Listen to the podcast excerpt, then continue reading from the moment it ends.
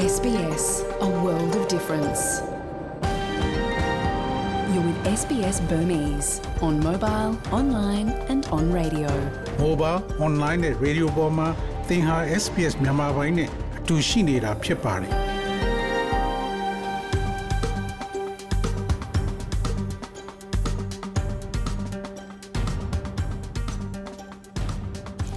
။တရရှင်များအားလုံးမင်္ဂလာညချမ်းပါရှင် 2022ခုနှစ်ဇန်နဝါရီလ10ရက်စနေနေ့ည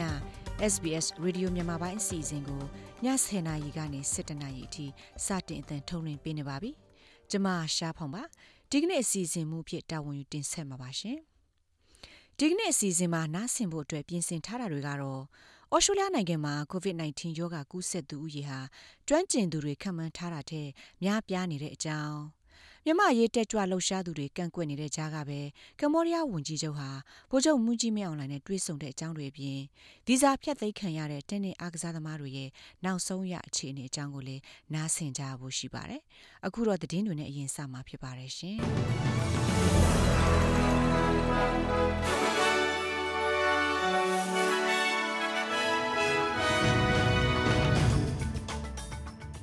ဒီညအတွက်ထိတ်တန်းရောက်နေတဲ့သတင်းတွေကတော့ ဩစတြေးလျနိုင်ငံတဝန်းကိုရိုနာဗိုင်းရပ်စ်ကူးစက်မှုနှုန်းဟာဒီကနေ့စနေနေ့မှာလည်းဆက်လက်ပြီးစံချိန်ချိုးမြင့်တက်နေပါတယ်။ဒီကနေ့တနိုင်ငံလုံးယောဂါကူးစက်ခံရသူအရေအတွက်ဟာတသိန်း1000နဲ့6000ကျော်ရှိပါတယ်။တရက်ထဲအတွင်းကူးစက်သူအရေအတွက်တသိန်းကျော်ရှိတယ်ဆိုတာဒါဟာပထမဦးဆုံးအကြိမ်ဖြစ်ပါတယ်။ ကူးစက်ယောဂဆိုင်ရာကျွမ်းကျင်သူ Robert Boy ကတော့ Omicron မျိုးခွဲဟာမကြခင်အတောအတွင်းမှာအမြင့်ဆုံးကူးစက်မှုနှုန်းအထိရောက်ရှိမှာဖြစ်ပြီးနောက်လဆိုရင်တော့ပြန်ပြီးတည်ငြိမ်မှုရှိလာမှာဖြစ်တယ်လို့ SBS သတင်းဌာနကိုပြောပါတယ်။ဩစတြေးလျနိုင်ငံတော်ဝန်ကိုရိုနာဗိုင်းရပ်စ်ယောဂါကူးစက်မှုအခြေအနေအသေးစိတ်ကိုနောက်ပိုင်းမှာတင်ပြပေးသွားဖို့ရှိပါတယ်ရှင်။ တစ်ဆက်တည်းမှာပဲနိုင်ငံရေးသမားတွေထဲမှာလည်း COVID-19 ရောဂါကူးစက်မှုတွေရှိနေပါတယ်။နောက်ဆုံးသိထားရတဲ့လောက်ကတော့ဩစတြေးလျနိုင်ငံဝန်ကြီးချုပ်ဟောင်း Malcolm Turnbull နဲ့ Federal ဘဏ္ဍာရေးဝန်ကြီး George Frydenberg တို့ COVID-19 ကူးစက်ခံကြရပါတယ်။ဒါပေမဲ့သူတို့နှစ်ဦးစလုံးယောဂလက္ခဏာသိပ်မပြင်းထန်ပါဘူး အခုလို COVID-19 ရောဂါကူးစက်ခံရတဲ့အချိန်မှာပဲဝန်ကြီးချုပ်ဟောင်း Malcolm Turnbull ကရှစ်တန်းမှာတာဝန်ကျနေတဲ့ကျန်းမာရေးလုပ်သားနဲ့တာဝန်ရှိသူတွေဟာကြီးမားတဲ့ဖိအားတွေနဲ့အတူလုပ်ငန်းဆောင်ရွက်လုပ်ကိုင်နေရတာကြောင့်လူတွေအနေနဲ့သူတို့ပေါ်စိတ်မပြည့်ဒေါသမဖြစ်အောင်စိတ်ရှည်ပေးကြဖို့ကိုလည်းတိုက်တွန်းလိုက်ပါတယ် ဗန္ဒာရေးဝန်ကြီးကတော့တာမန်ဖြစ်နေကြ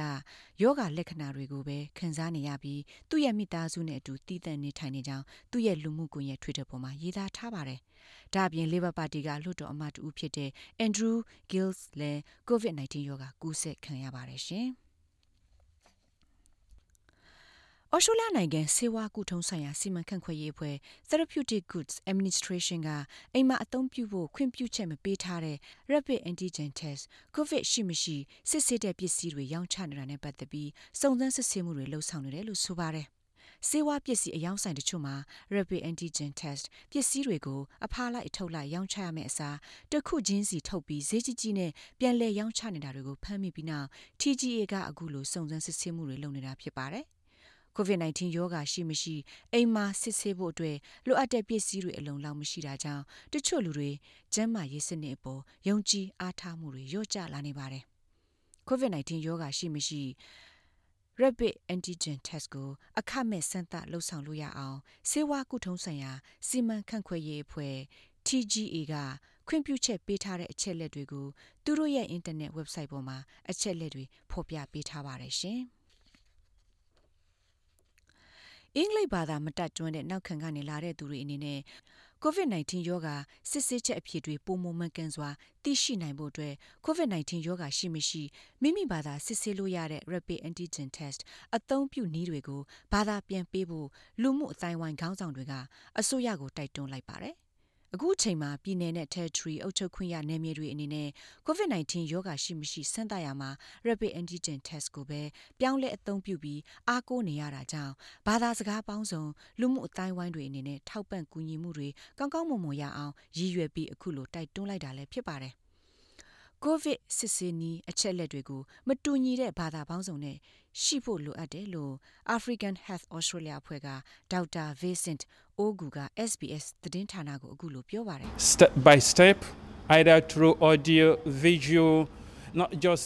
say the တဆင့် steps ပြီးတဆင့်လှုပ် but ဆောင်ရမယ့်နည်းလမ်း also တွေကို demonstrating ရုပ်သံ the နဲ့အတူ steps စာ in ရင်းထိုး language ပြ so ပေး that ဖို့လို people ပါတယ် will တဆင့်ပြီးတဆင့်လှုပ်ပုံကိုအသံတစ်ခုထဲနဲ့ပြောပြတာမျိုးမဟုတ်ပဲဘယ်လိုလုပ်ရမလဲဆိုတာကိုပြောရင်းပြသရင်းနဲ့တခြားဘာသာတစ်မျိုးအနေနဲ့ပြောပြပေးဖို့လိုပါတယ်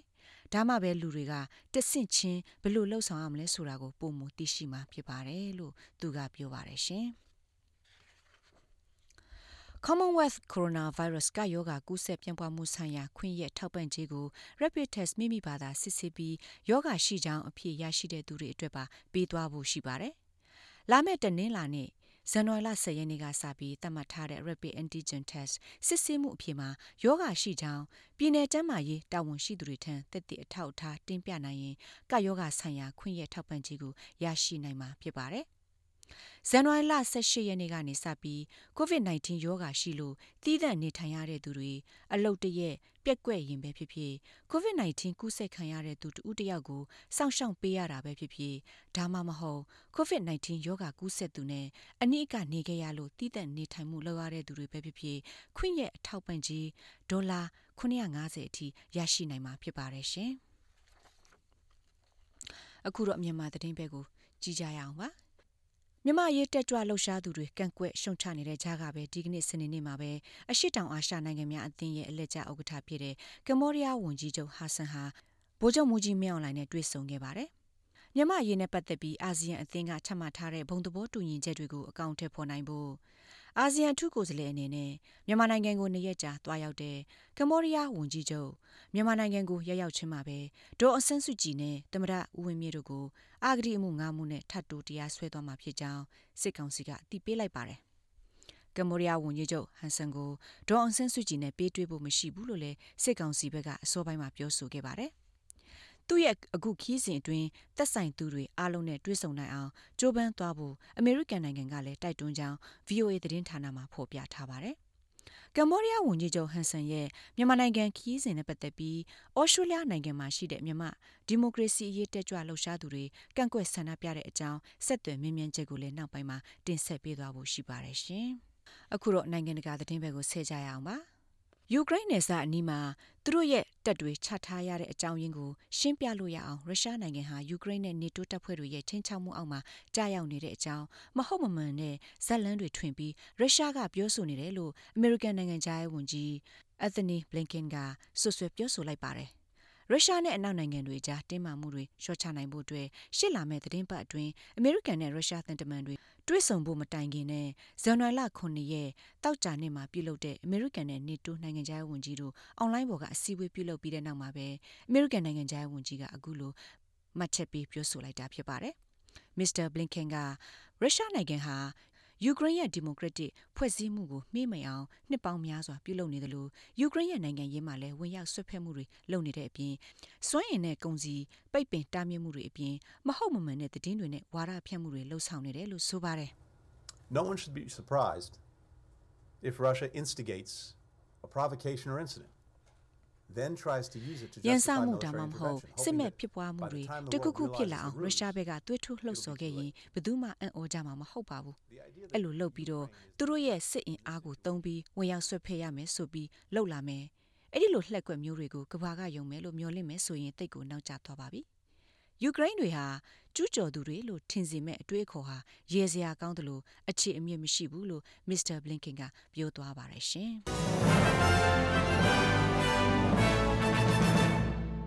ဒါကတော့ဒီကနေ့ညအတွက်ထိတ်တန့်ရောက်တဲ့တင်တွေကိုနားဆင်ကြကြရတာဖြစ်ပါတယ်အခုတော့အားကစားနဲ့မိုးလေဝသသတင်းဘက်ကိုကြည့်ကြရအောင်ပါ အားကစားသတင်းဘက်မှာတော့ Australia နိုင်ငံနေဆက်ရေးရအဖွဲ့ Australian Border Force ရဲ့အဆိုအရ Australian Open Tennis ပန်ပွဲနဲ့ဆက်ဆက်တဲ့ visa ၃ခုကိုဖျက်သိမ်းလိုက်ပြီးတဦးကတော့ Australia နိုင်ငံကနေထွက်ခွာသွားပြီလို့ပြောပါတယ်။ visa ဖျက်သိမ်းခံရလို့ Australia နိုင်ငံကနေထွက်ခွာသွားသူကဥရောပတင်းတဲ့အရာရှိတူဖြစ်တယ်လို့ယူဆပြီး Federal အစိုးရရဲ့အတည်ပြုချက်တော့မရရှိသေးပါဘူး။ နောက်ထပ်ဗီဇာဖြတ်သိမ်းခံရသူတူကတော့ချက်နိုင်ငံကကစားသမားဖြစ်သူ Renata Vorakova ဖြစ်ပြီးသူမဟာတင်းနှစ်အကျော်မော် Novak Djokovic နေထိုင်တဲ့ Melbourne မြို့က Park Hotel မှာပဲအတူတူထိန်းချုပ်ခံနေရတာဖြစ်ပါတယ်။သူမဟာလည်း Djokovic လိုပဲကိုဗစ်ကာကွယ်ဆေးထိုးစရာမလိုတဲ့ချွင်းချက်နဲ့အော်စတြေးလျနိုင်ငံကိုဝင်ရောက်လာတာဖြစ်ပါတယ်။လွန်ခဲ့တဲ့6လအတွင်း COVID-19 ရောဂါကူးစက်ခံရဖူးတယ်လို့အကြောင်းပြထားတာဖြစ်ပါတယ်။ အခုဆိုရင်အော်စတြေးလျနိုင်ငံကနေထွက်ခွာဖို့ Vorakova ကိုညွှန်ကြားထားပါတယ်။ဆာဗီးယားနိုင်ငံသားတင်းနစ်ချန်ပီယံ Novak Djokovic ဟာဗီဇာဖြတ်သိမ်းခံရတာနဲ့ဆက်ဆက်ပြီးတောက်လျှောက်တိတ်ဆိတ်နေခဲ့ပေမဲ့မနေ့ညတုန်းကတော့သူ့ကိုထောက်ခံအားပေးကြတဲ့သူတွေကိုအင်မတန်ကျေးဇူးတင်တဲ့အကြောင်း Instagram မှာရေးသားထားပါတယ်။ သူဟာမဲလုံးမြို့ကဟိုတယ်မှာဒုတိယမြောက်ညအဖြစ်လူဝင်မှုကြီးကြပ်ရေးအရာထိမ့်သိမ်းခံရပြီးသူ့ရဲ့ရှင့်နေတွေကဒီကနေ့သူပြည်နေတဲ့ခံရတဲ့ကိစ္စနဲ့ပတ်သက်ပြီးတရားရုံးမှာစိန်ခေါ်သွားမှာဖြစ်ပါတယ်။ဂျိုကိုဗစ်ရဲ့အမှုကိုဇန်နဝါရီလ10ရက်တနင်္လာနေ့ကျရင်အမှုကြားနာဖို့ရှိပါတယ်။ဂျိုကိုဗစ်ရဲ့ဖခင်ဖြစ်သူကသူ့သားဖမ်းဆီးခံထားရတယ်လို့ပြောဆိုထားပေမဲ့ဩစတြေးလျအာဏာပိုင်တွေကတော့ဖမ်းဆီးထိမ့်သိမ်းထားတာမဟုတ်ပဲ ဗီဇာဖြတ်သိမ်းထားတာဖြစ်လို့ဩစတြေးလျနိုင်ငံကနေထွက်ခွာခြင်းအချိန်မရွေးထွက်ခွာနိုင်တယ်လို့ပြောပါတယ်။ Novak Djokovic ကိုထောက်ခံသူယာနဲ့ချီဟာဆာဗီးယားနိုင်ငံဘယ်ဂရိတ်မြို့လယ်မှာသူ့ကိုထောက်ခံကြောင်းဆန္ဒပြခဲ့ကြပါတယ်ရှင်။အခုတော့မိုးလေဝသသတင်းပဲကိုကြည့်ကြရအောင်ပါ။မနေ့ပြန်တနင်္ဂနွေနေ့အတွက်မိုးလေဝသခန့်မှန်းချက်တွေကတော့ဖတ်မြို့မှာ တိမ်ကင်းရှင်းပြီးအမြင့်ဆုံးအပူချိန်28ဒီဂရီနဲ့အနိမ့်ဆုံးအပူချိန်16ဒီဂရီရှိမှာဖြစ်ပါတယ်။အက်တလိတ်မြို့မှာတော့များသောအားဖြင့်နေသားမှာဖြစ်ပြီးအမြင့်ဆုံးအပူချိန်31ဒီဂရီနဲ့အနိမ့်ဆုံးအပူချိန်15ဒီဂရီရှိမှာဖြစ်ပါတယ်။မဲလ်ဘန်မြို့မှာတော့တင်ကင်းရှင်းပြီးအမြင့်ဆုံးအပူချိန်23ဒီဂရီနဲ့အနိမ့်ဆုံးအပူချိန်16ဒီဂရီရှိမှာဖြစ်ပါတယ်ဟိုဘတ်မြို့မှာတော့တိမ်အထင်တင်ရှိမှဖြစ်ပြီးအမြင့်ဆုံးအပူချိန်23ဒီဂရီအနိမ့်ဆုံးကတော့ 17ဒီဂရီရှိမှဖြစ်ပါတယ်။ကင်မရာမြို့မှာတော့တိမ်အထင်တင်ရှိမှဖြစ်ပြီးအမြင့်ဆုံး29ဒီဂရီရှိမှဖြစ်ပြီးအနိမ့်ဆုံးကတော့15ဒီဂရီရှိမှဖြစ်ပါတယ်။စီနီမြို့မှာတော့မိုးရွာပွဲရာရှိပြီးအမြင့်ဆုံးပူချိန်29ဒီဂရီနဲ့အနိမ့်ဆုံး21ဒီဂရီရှိမှဖြစ်ပါတယ်။ Brisbane မြို့မှာတော့တိမ်အထင်တင်ရှိမှဖြစ်ပြီးအမြင့်ဆုံးပူချိန်34ဒီဂရီနဲ့အနှိမ့်ဆုံး26ဒီဂရီရှိမှဖြစ်ပါတယ်။ဒါဝင်းမြို့မှာတော့ တိမ်အထင်တင်ရှိမှဖြစ်ပြီးအမြင့်ဆုံးအပူချိန်ကတော့31ဒီဂရီရှိမှဖြစ်ပြီးအနှိမ့်ဆုံးအပူချိန်ကတော့21ဒီဂရီရှိမှဖြစ်ပါတယ်ရှင်။ငွေကြေးလက်လည်နှုန်းဘက်မှာတော့ဩစတြေးလျဒေါ်လာဟာမြန်မာကျပ်ငွေ1286ကျပ်နဲ့50ပြားဈေးပေါက်နေပြီးထိုင်းဘတ်ငွေကတော့ဩစတြေးလျဒေါ်လာဟာထိုင်းဘတ်ငွေ24ဘတ်နဲ့73ပြားပေါက်ဈေးရှိနေပါတယ်ရှင်။